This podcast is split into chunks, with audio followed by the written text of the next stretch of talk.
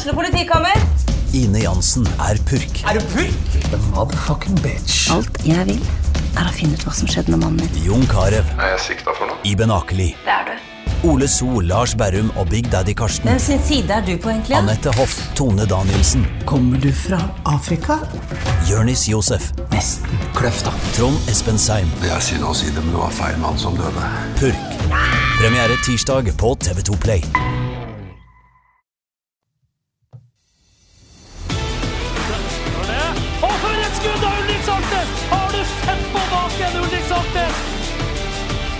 Og så er det skåring! Og så skårer Bodø-Glimt!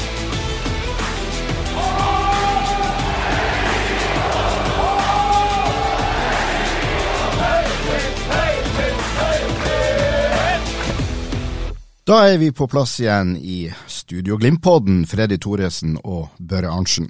Etter at den tredje serierunden er unnagjort, og Glimt troner på toppen av tabellen med ni poeng og null baklengs, ja, det er det jo en glede å ønske lytterne velkommen til en prat om både det som har skjedd, og om det som, om det som skal skje de neste dagene. Temaet i dag, triumfen i Ålesund og tredje serierunde. Skadesituasjonen. Tre kamper på sju dager, hvordan skal det gå?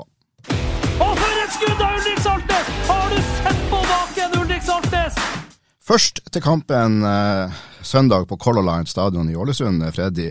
Og for meg, altså at Morten Konradsen ikke bare holdt en hel kamp, men i tillegg noterte seg for to assist, det er nesten det som gleder meg aller mest etter det som skjedde i Ålesund. Ja, det skjønner jeg veldig godt. En eh, fantastisk opptur for en bodøværing som eh, har slitt med å eh, få kroppen til å samarbeide. Hvis vi tar sesongen hans så langt, ikke sant, så fikk han sjansen i Spania, treningsleir. eh, Får lov å spille fra start i kamp nummer to. Etter 30 minutter så må han ut med en skade bak i låret. Så jobber han, står på. Herre min hatt, altså, for en eh, Altså, hvor mye han har jobba mellom treningen. Mens de andre har trent og spilt fotball, så har han jobba alternativt. Han har jobba knallhardt. Og så jobber han seg inn, og så må han steppe inn og, og gjøre en innsats hjemme mot Lech Poznan fra start, ikke sant? Hugo Vetlesen står over med karantene. Morten inn, gjør en god kamp, og den belastninga i den kampen gjør at han ikke kan bidra i returkampen borte. Ikke sant? På grunn av kroppen krangler. Og så står han på, jeg så han mot uh, Han kom vel ikke inn i um, serie, serieåpninga i Sarpsborg, og en litt sånn lang hjemtur. Og så må guttene da stå opp tidlig om morgenen, de som skal uh, rekke nordover for å møte Rosenborg 2. Og da spilte Morten Ågnes Konradsen første omgang, og så kom Fredrik Sjøvold inn og spilte andre omgang. Morten Ågnes Konradsen er en rutinert mann, og jeg tror ikke det er den kampen som har motivert han mest for Glimt 2 mot Rosenborg 2.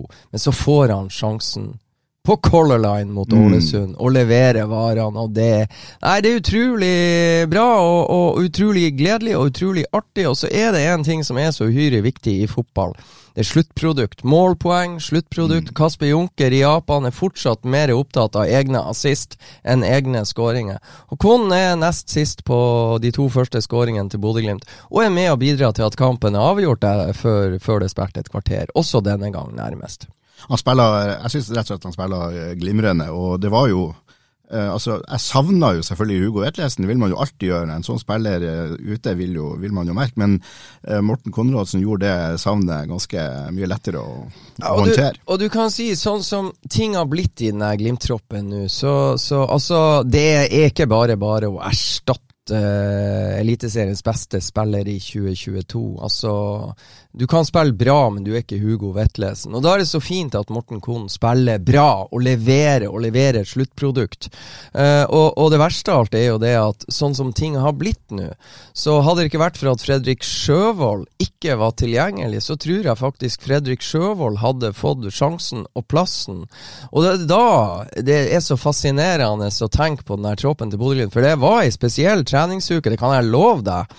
Eh, både onsdag og torsdag og fredag og onsdagstreninga tror jeg var bra.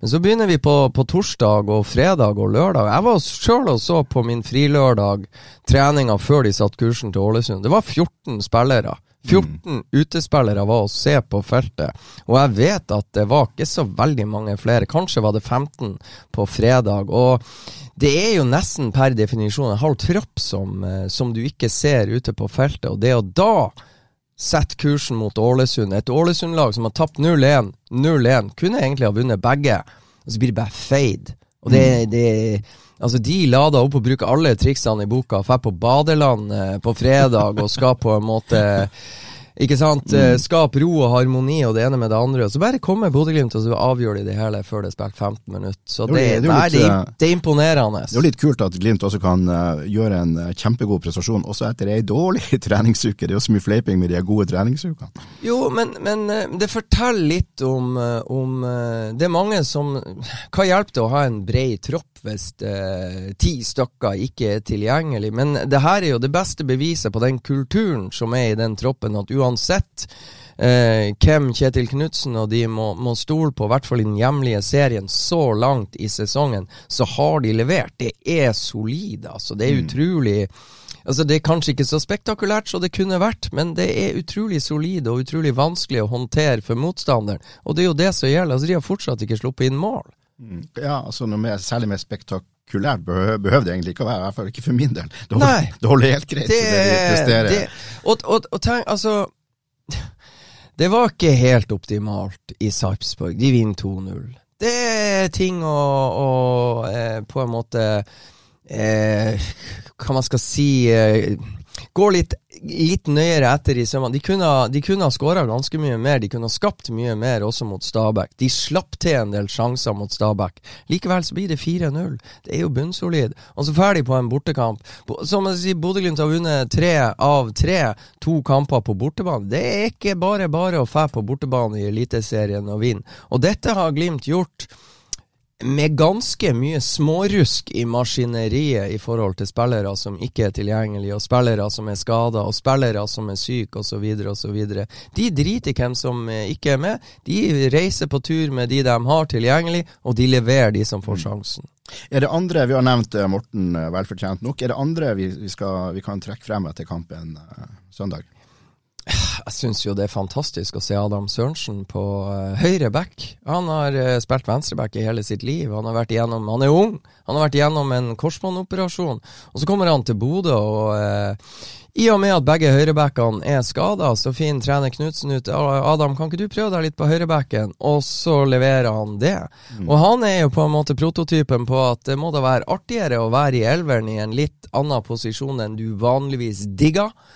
Og så får du gjøre det beste ut av det, og det syns jeg Adam Sørensen har gjort. Jeg syns han har gjort uh, det beste ut av det. Og så syns jeg det er befriende å se Albert Grønbæk som skårer i tredje kamp på rad. Midtbanespillere Altså, nå fikk vi en spiss også. Gledelig Faris Pemi skåra sitt uh, første mål for Bodø-Glimt i obligatorisk kamp. Han skåra i Molde i generalprøven, men det å få loggført første mål på spiss Og hvis ikke jeg tar feil i serien, da, så er han den første spissen som skåra for Bodø-Glimt. Men hva gjør det, da, når du har en midtbanespiller som har skåra tre? Det er jo kjempeflott. Og enda så venter vi på Hugo Vetlesens første eliteserieskåring. Så nei, at Albert skårer i tredje kamp på rad, fantastisk bra. Og så syns jeg òg det er veldig artig å ha en uh, venstreving som uh, slår pasninger til Fredrik Bjørkan, og på en måte på frispark og refse Fredrik Bjørkan, for han har ikke nok eh, reaksjons... reaksjon når Amahl Pellegrino serverer på sølvfat til han, så har han ikke nok aks i i ræva til at han kan fære og tuppe han inn, så Amahl får den òg. Nei, fire på tre kamper Pellegrino. Det er veldig bra.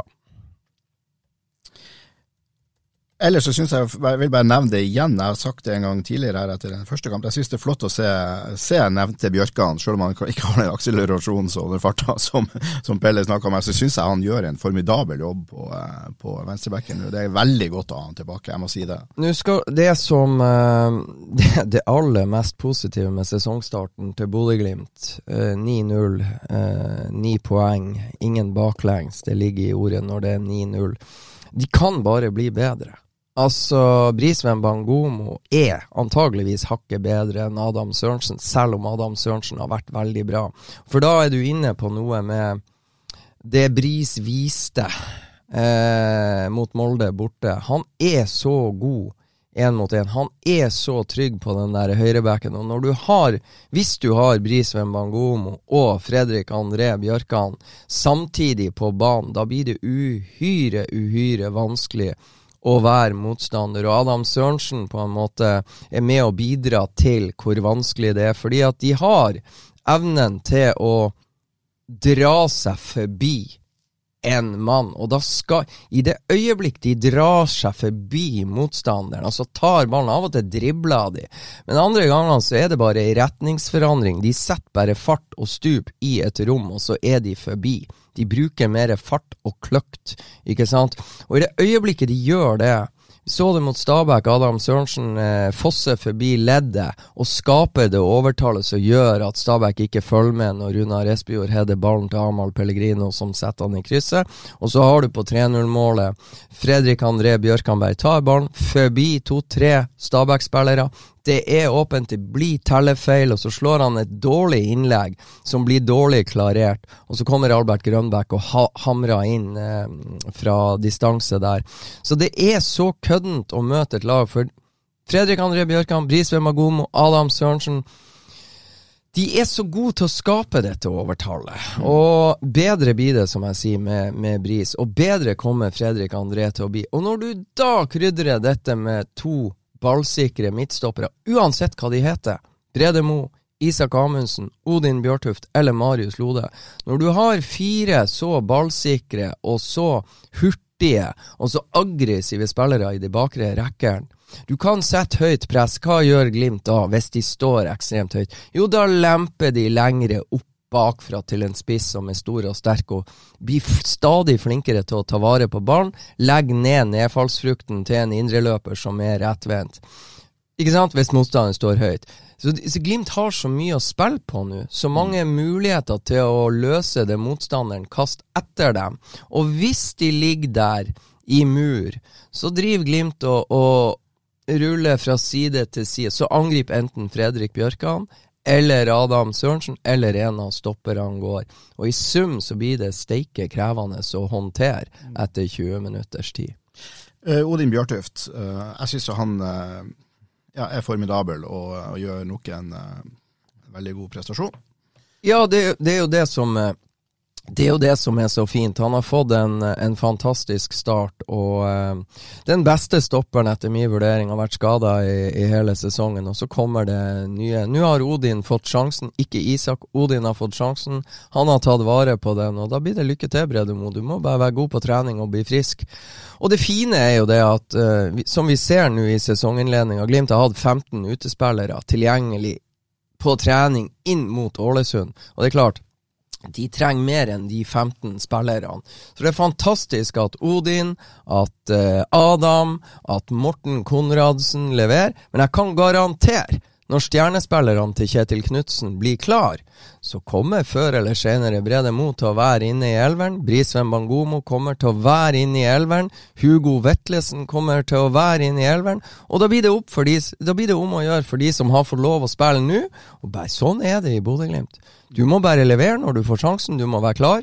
Og så er det bare å tviholde på det og være like god på trening. Men når kampene kommer så tett som de gjør nå, så kommer de til å trenge det kommer til å komme karantene, det kommer til å være en kropp som er sliten, og da kommer det til å bli en sjanse til Isak Amundsen eller Brede Mo, og da blir det spennende å se hvordan tar de vare på det. Det er bare å levere. Standarden er satt av de gutta som har fått muligheten til nå.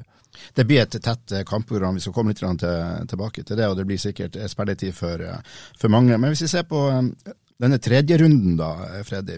Det var jo en del interessante resultater. Veldig, veldig. Si. Eh, at Rosenborg skulle slite så på Lerkendal. Sandefjord får 1-0 eh, midtveis i eh, første omgang, og eh, deretter så klarte vel ikke Rosenborg å, å, eh, å skape all verden før eh, på overtid der. De hadde et par heading over med nyspissen Sadiku, eller hva han heter.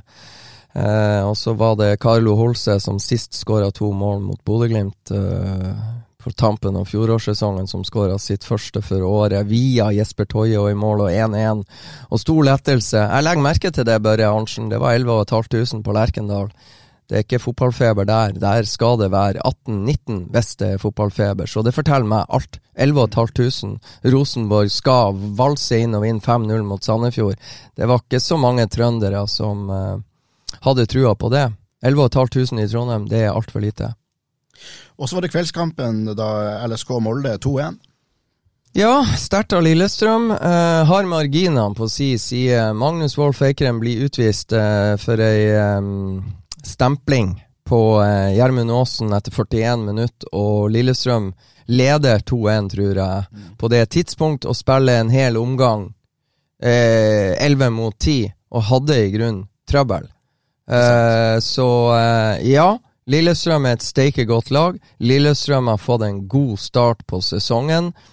Men um, Og de har mange gode spillere, men det er ikke uoverkommelig motstand, uh, sier jeg. De hadde mer trøbbel enn de burde hatt mot et Molde-lag som spiller 10 mot 11.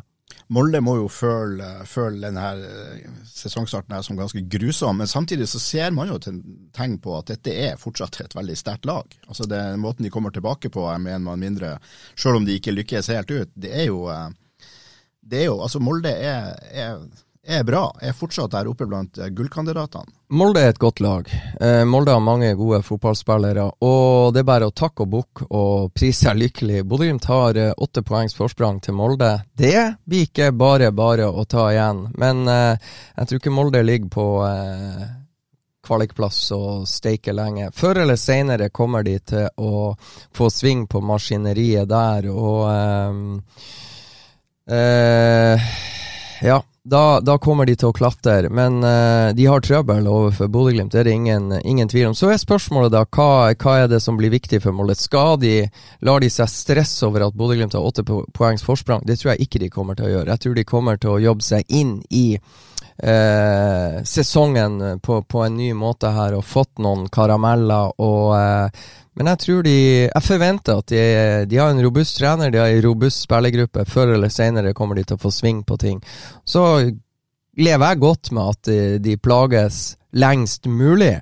Men eh, de kommer, som jeg sier, i fjor så var det 17 kamper og 17 seire. Sånn avslutta de sesongen, så de er i stand til Mange av de samme spillerne er der. Men det som er interessant, de mista David Fofana, og jeg ser at Veton Berisha har fortsatt til gode å skåre sitt første mål. Så Ola Brynildsen en spiller som eh, de forventer mye penger for. De har jo hatt en del bud på han. og eh, Molde takka nei til bud på Ola Brynildsen. Bodø-Glimt takka nei til bud på Hugo Vetlesen. Så eh, jeg tror det er på tide at uh, Ola Brynildsen blir å, å, få fart på sine saker for å skyte prisen sin ytterligere opp. Foreløpig sliter han med det.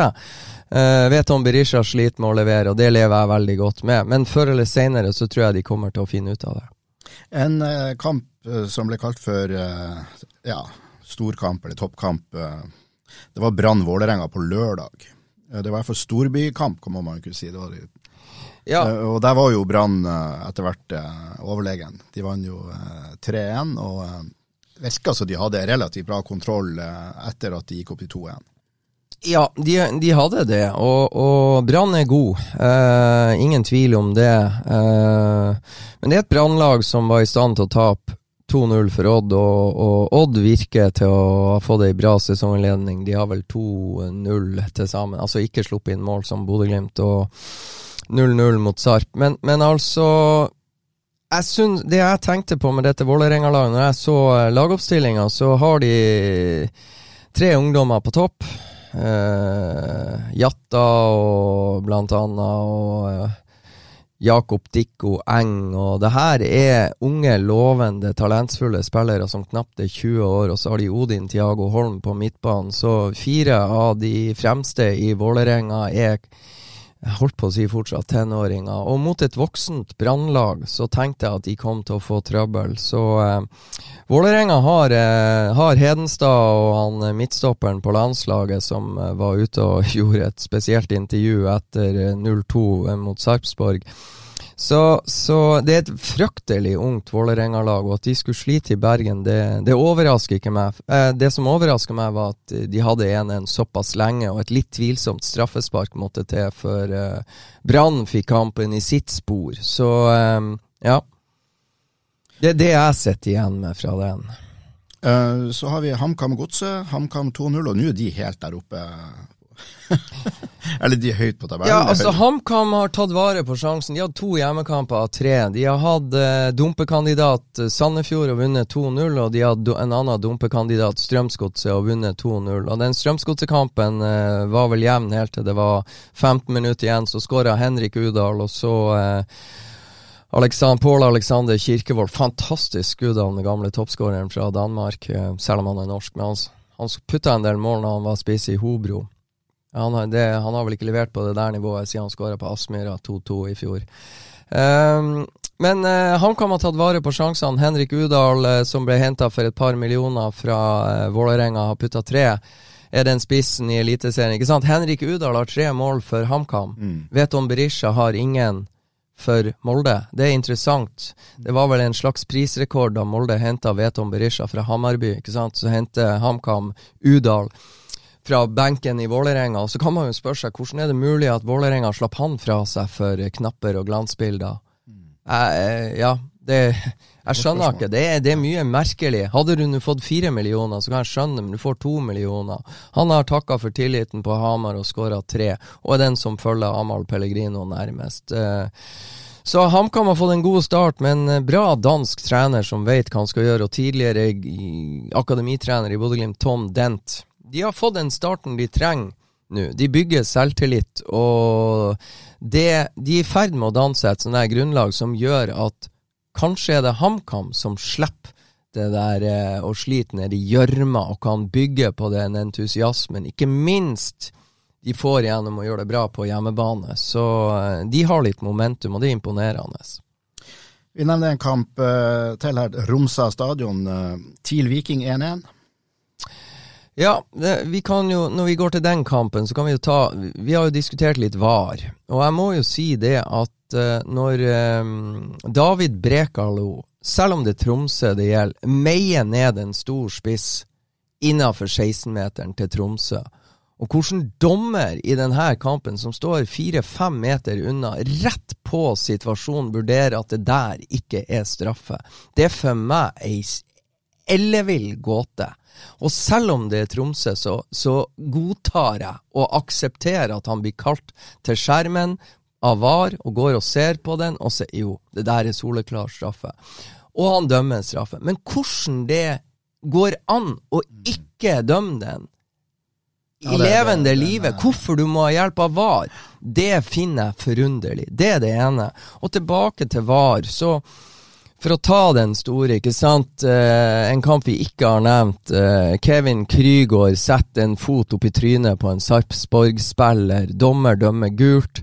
Går på VAR-skjermen og gir rødt.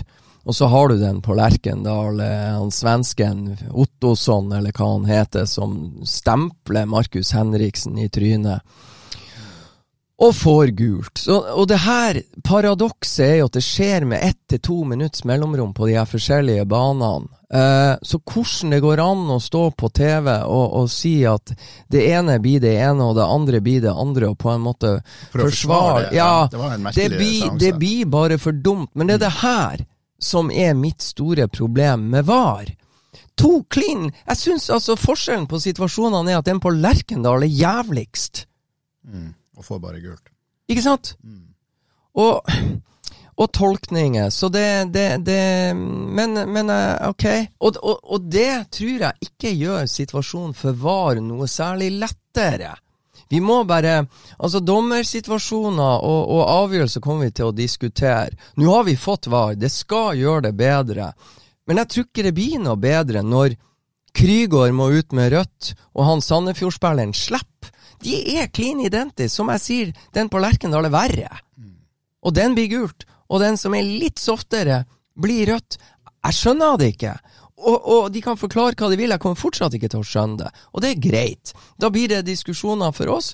Og så må jeg si at hvordan de klarer å ta og, og, og annullere eh, Faris Pemis i eh, 3-0-skåring på Ålesund, det, det skjønner jeg fortsatt ikke.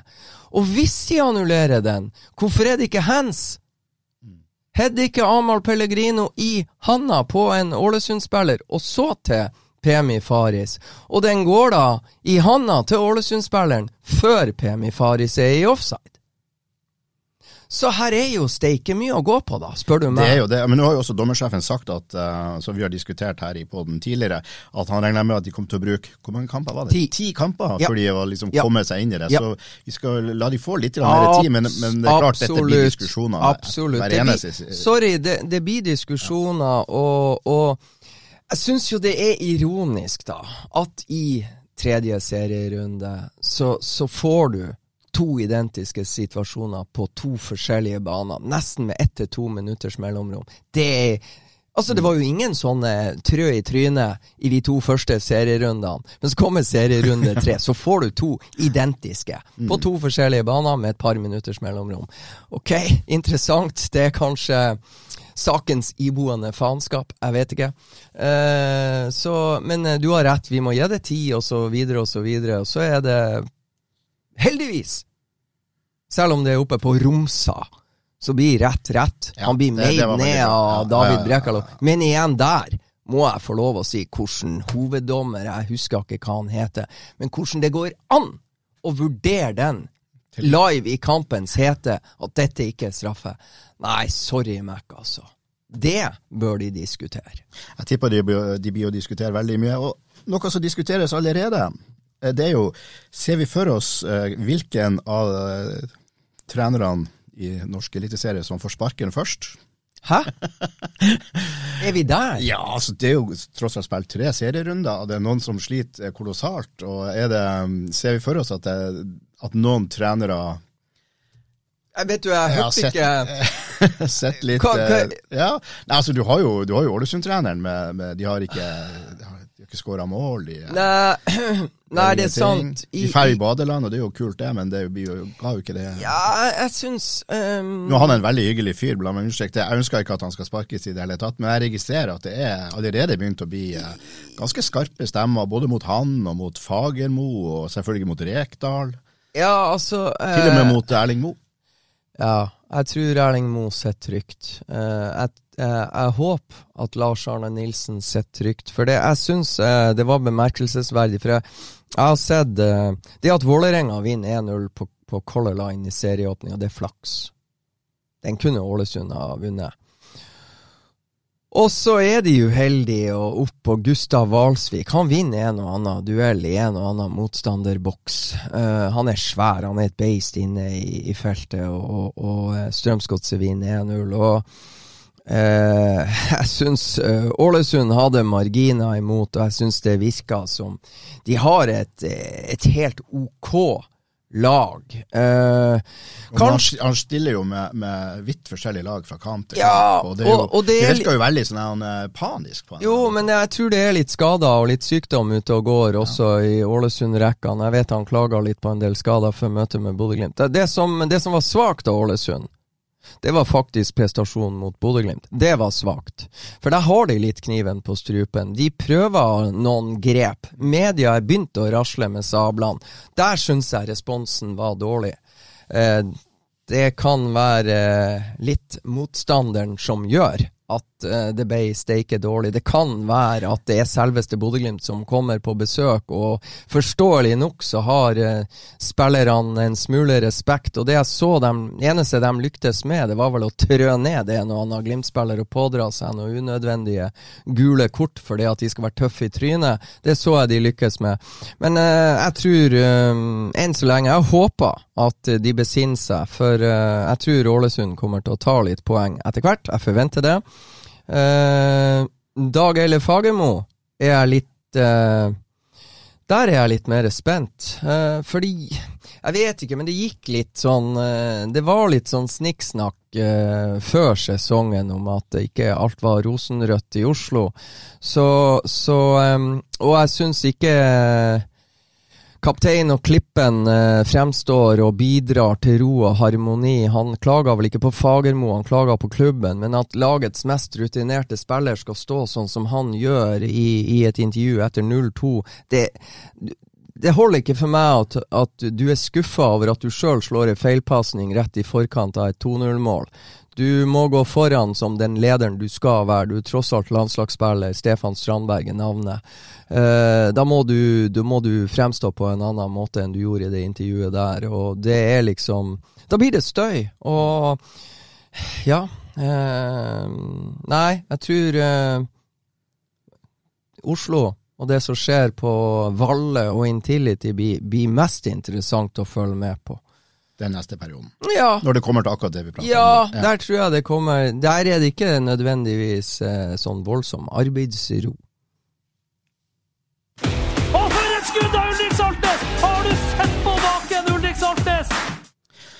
Da sier vi eh, foreløpig takk og farvel sagt til tredje, rund, tredje serierunde. Ja, kan vi ta en liten fun fact? Ja, har du en fun fact? Ja, en bitte Om den, eh, serierunden? Ja, Ålesund-Bodø-Glimt. Okay. Ja, Stian Høgland er på vei opp av Aspmyr, og plutselig han kjørte opp i bil, og så en sånn liten fun fact han spiller inn. Ja, ja, kom igjen. han kreditt. Altså, Glimt har 30 trekk i laget før 2-0-målet i går.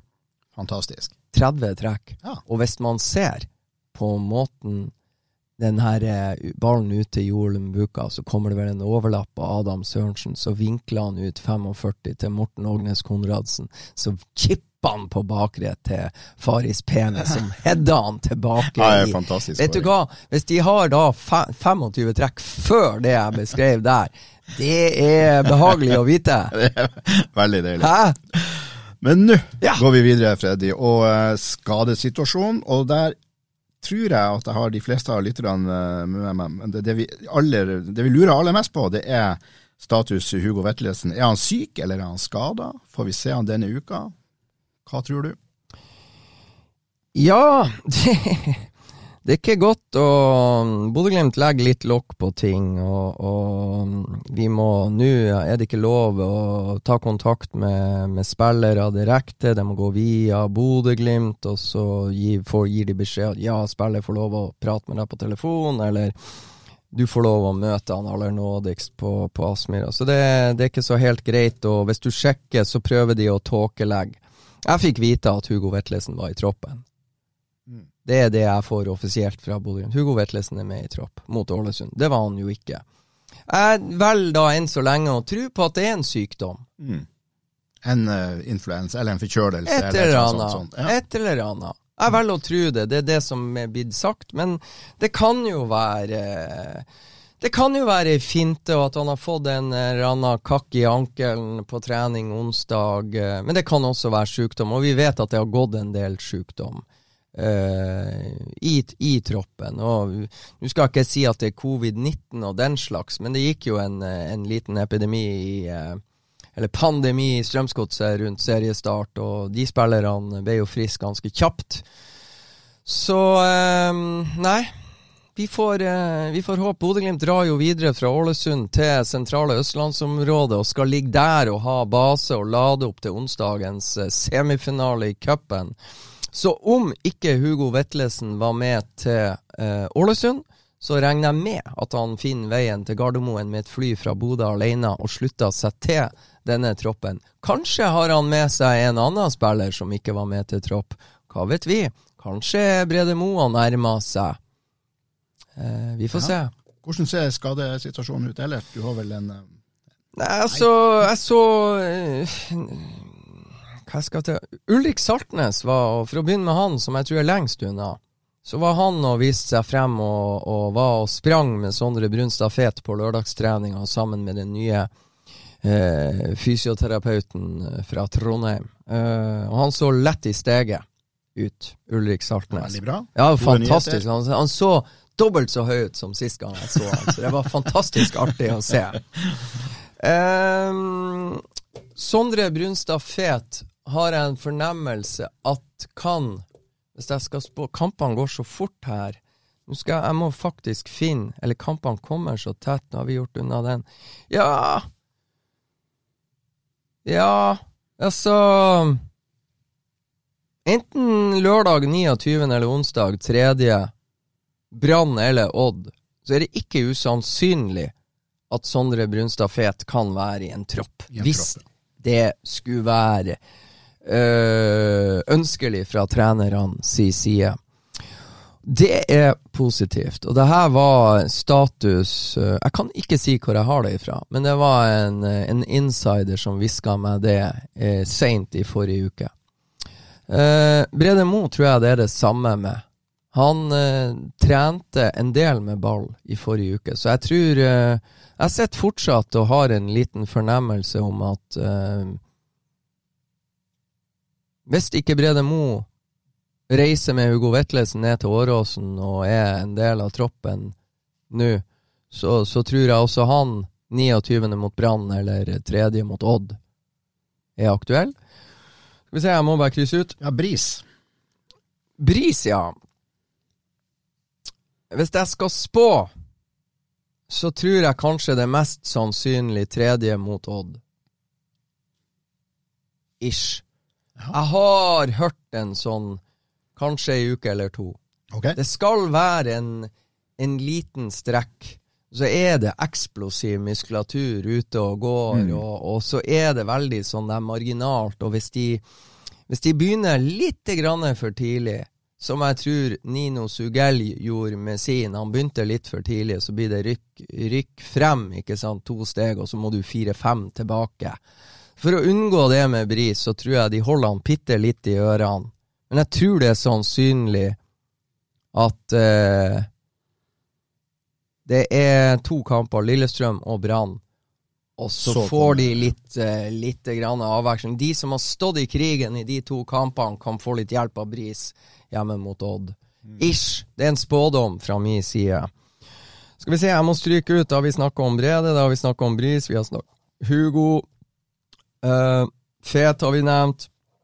Ulrik har vi nevnt. Så har vi en dark horse her. Omar El Abdelaue. Ja.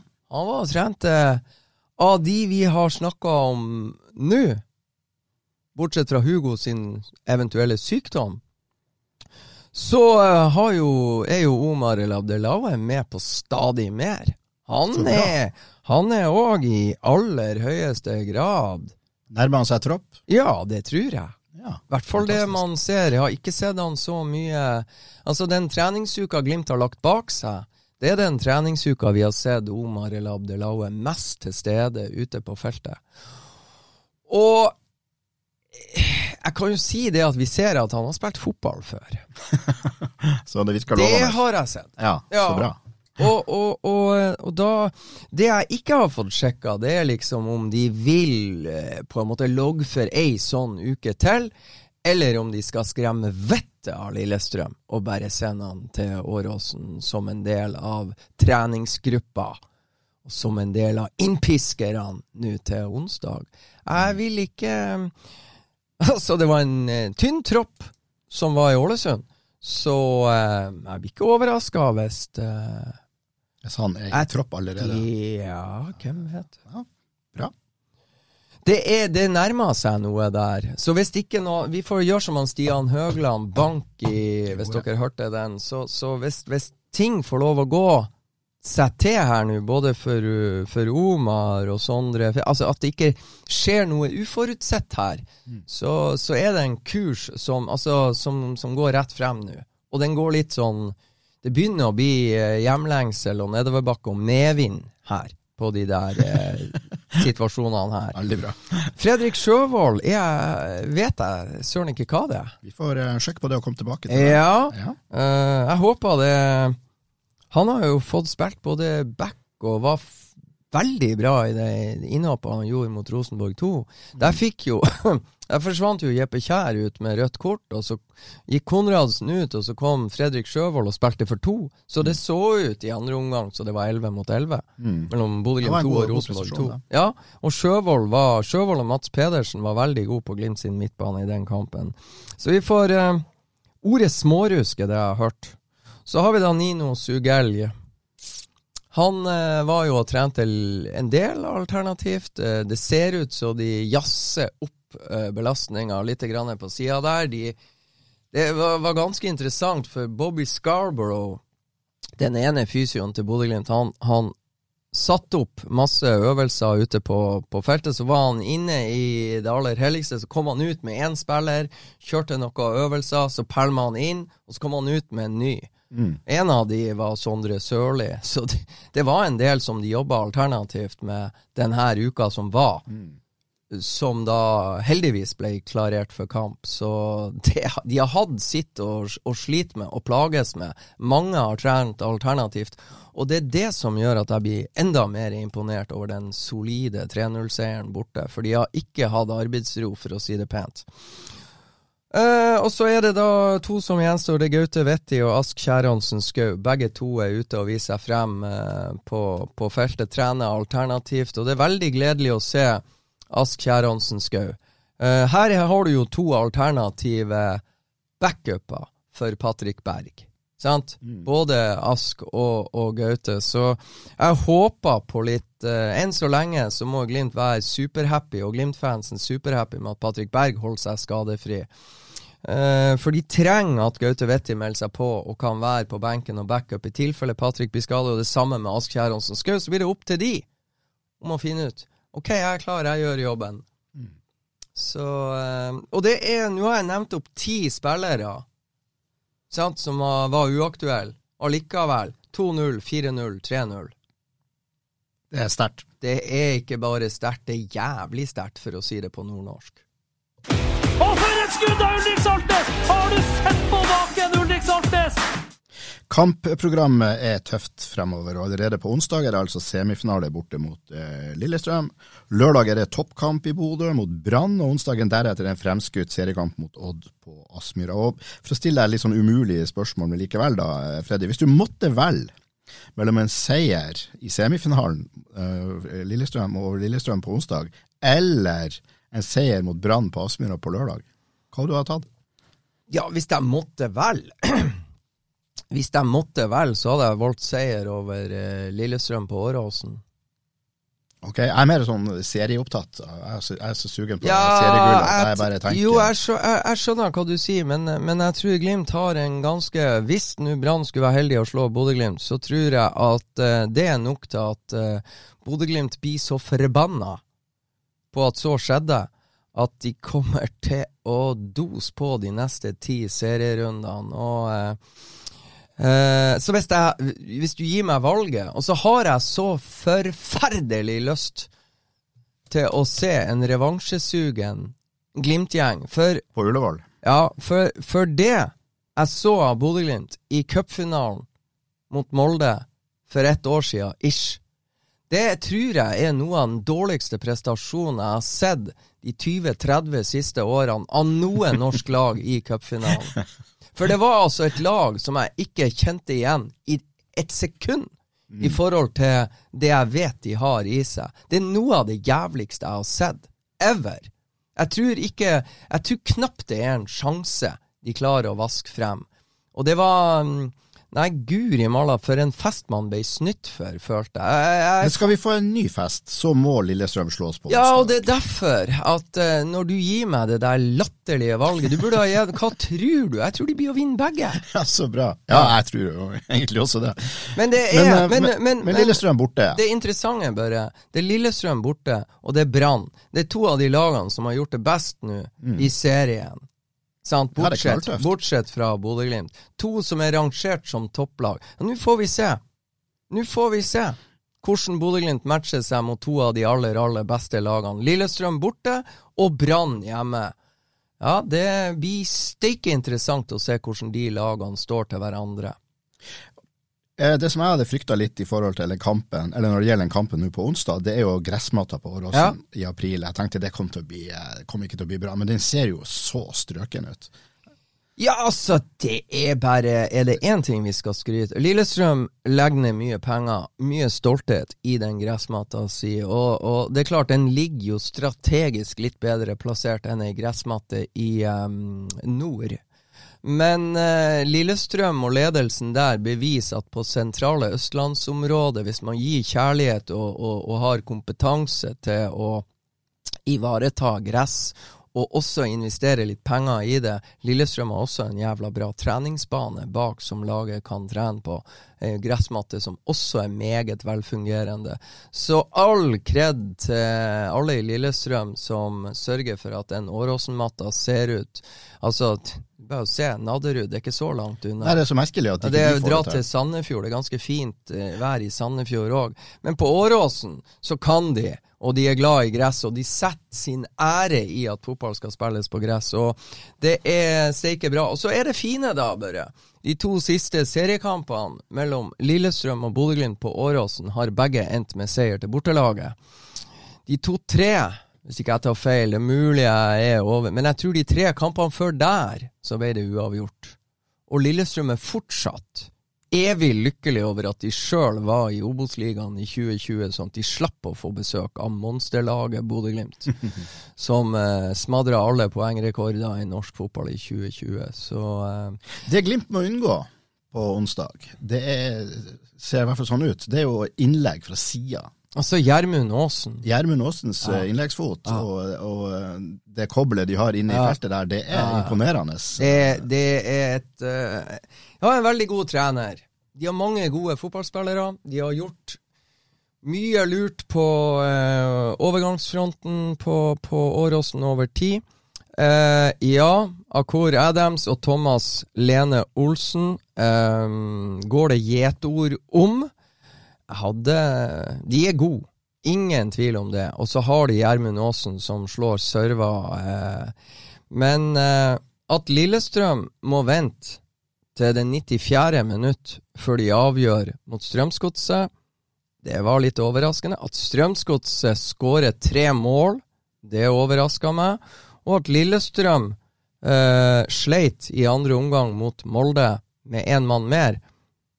De er ikke uslåelige, for å si det sånn. Viking vant 2-0. Men Lillestrøm er det er et godt lag, og Bodø-Glimt må være klar til krig. Og Bodø-Glimt må ha antageligvis litt mer skyts, og de må på en måte absorbere utladninga mot uh, Ålesund på en god måte. Men de tar alle grepene. De reiser rett fra Ålesund. De legger seg uh, og har base uh, på det sentrale østlandsområdet og skal lade opp til kamp.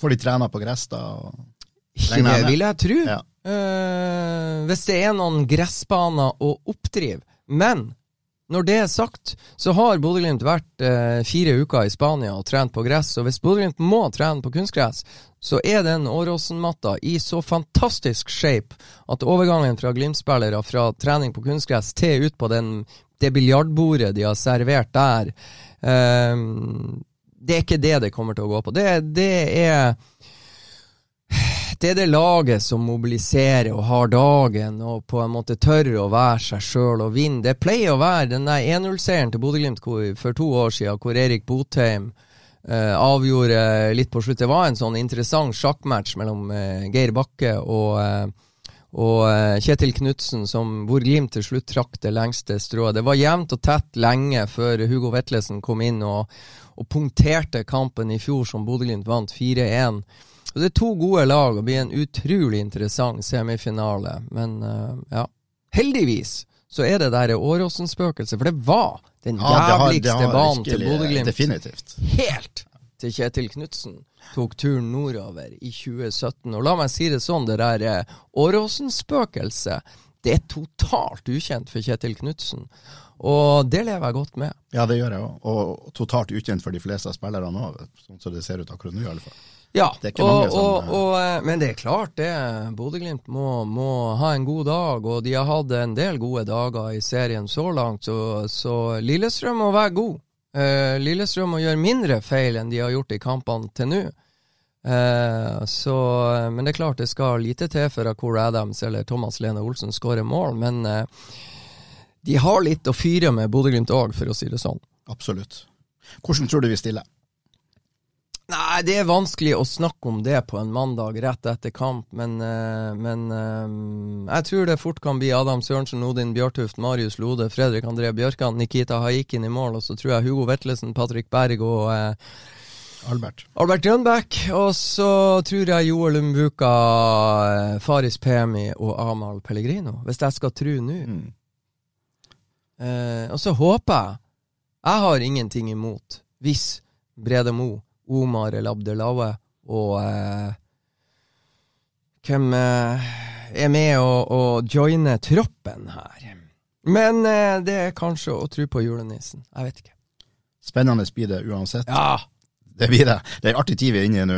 Ja, og så, ikke sant, så, så er det glede eller skuffelse har knapt lagt seg, ikke sant, på onsdag. Så kommer Brann med Eirik Horneland eh, på besøk, og det blir Det er et godt Brannlag. Ingen tvil om det. å se på. Ja, og de er tøffe i trynet og har selvtillit og, og eh, Jeg tror det blir bra med folk på Aspmyra. Ja, ja, ja, ja, ja. Kanskje årets første utsolgte. Kanskje. Det kanskje det, og, og, og den kommer, og, og, og så har du, ikke sant, så kommer Odd onsdagen etterpå. Og hva skjer søndagen etter der? Da skal Bodø-Glimt til Åråsen igjen i serien.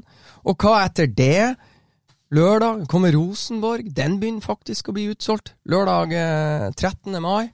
Og så skal vi til Tromsø den 16. Så er det Tromsø tirsdag 16. Så er det eventuell cupfinale 20. Så er det eventuell Mosjøen i cupen 24. Og så er det mandag 29. Glimt Viking. Her er bare å henge med i svingene i hele mai.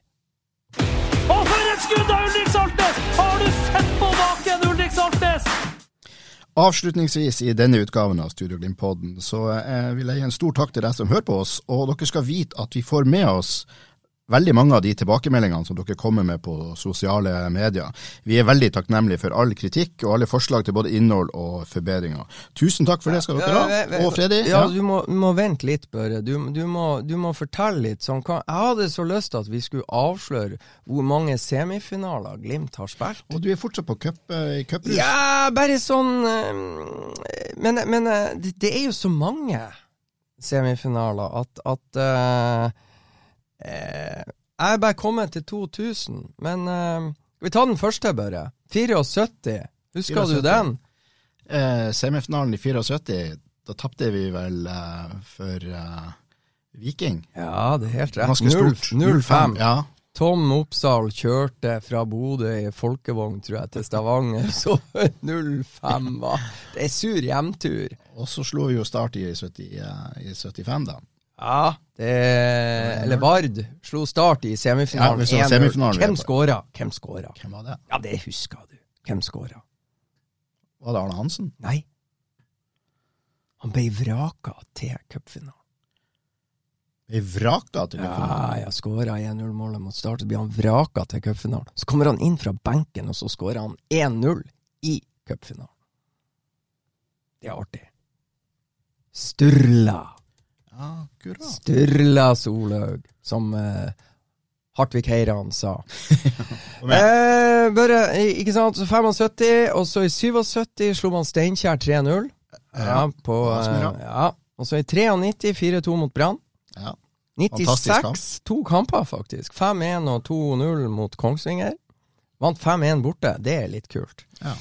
Det var liksom game set and match, og så er det hjemmekampen blir bare en sånn Det var helt greit at de ikke fortsatte med det der doble semifinalen. Ja, det og... syns jeg òg. 2000 Det er kanskje 2000 er den jævligste Nei, semifinalen ever. Ever. Den er verre enn den i 74. For det var i Skien, og Odd vant 4-0, og jeg vet at Kim Larsen, ikke vokalisten i Gasoline, skåra to mål, men den gamle det. ja, det skal du være glad for. Um, det var i 2000. 2003 er jo en av de bedre semifinalene i verdenshistorien. Husker du den? Er vi i Tromsø, da? Ja! Ja. Ja, Fantastisk. det er helt klart. Og så skal vi se her. uh, 2003 var Tromsø 3-0. 1-0 André Hansen fra Skjervøy ganske tidlig. 2-0 Jeg husker ikke det. Olav Råstad, Olav tidligere. TIL-spiller. Vrakos sendt til Bodø. Skåra 2-0 på Alfheim. Så var det til Vrakos. Jan Egil Brekke inn 3-0. Artig. I 2016, Børre, Lerkendal 0-2. Bodø-Glimt rykka ned, 100-årsjubileum. Mm. Og så skal vi se, er det den siste Viking 2-1 i fjor. Ikke sant? Hvor mange semifinaler har vi da? Husker du det? Nei, det må du, du Du noterer jo her som eh, 1, 2, 3, 4, 5, 6, 7, 8, 9. Dette blir den tiende. Da vet vi det! fantastisk. Takk skal du ha, Freddy. Ja, bare hyggelig. Sorry at jeg avbrøt deg litt på slutten. Alt i orden. Og for et skudd av Ulrik Saltnes! Har du sett på baken, Ulrik Saltnes? Da er det skåring, og så skårer Bodø-Glimt!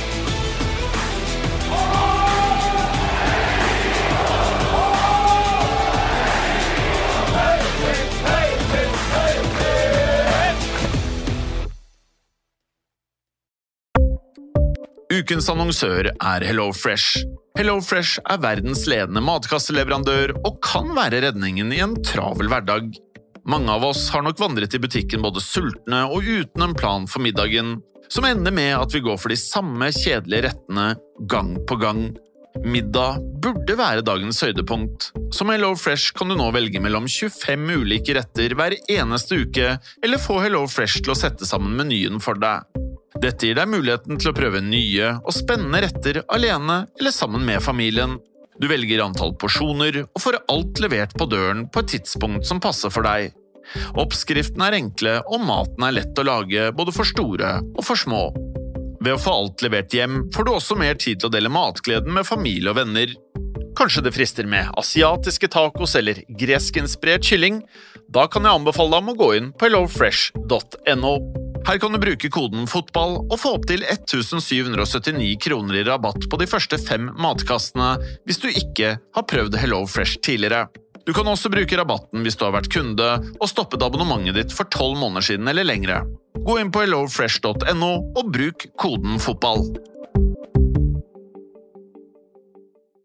Har du et enkeltpersonforetak eller en liten bedrift? Da er du sikkert lei av å høre meg snakke om hvor enkelt det er med kvitteringer og bilag i fiken, så vi eh, gir oss her, vi. Fordi vi liker enkelt. Fiken superenkelt regnskap.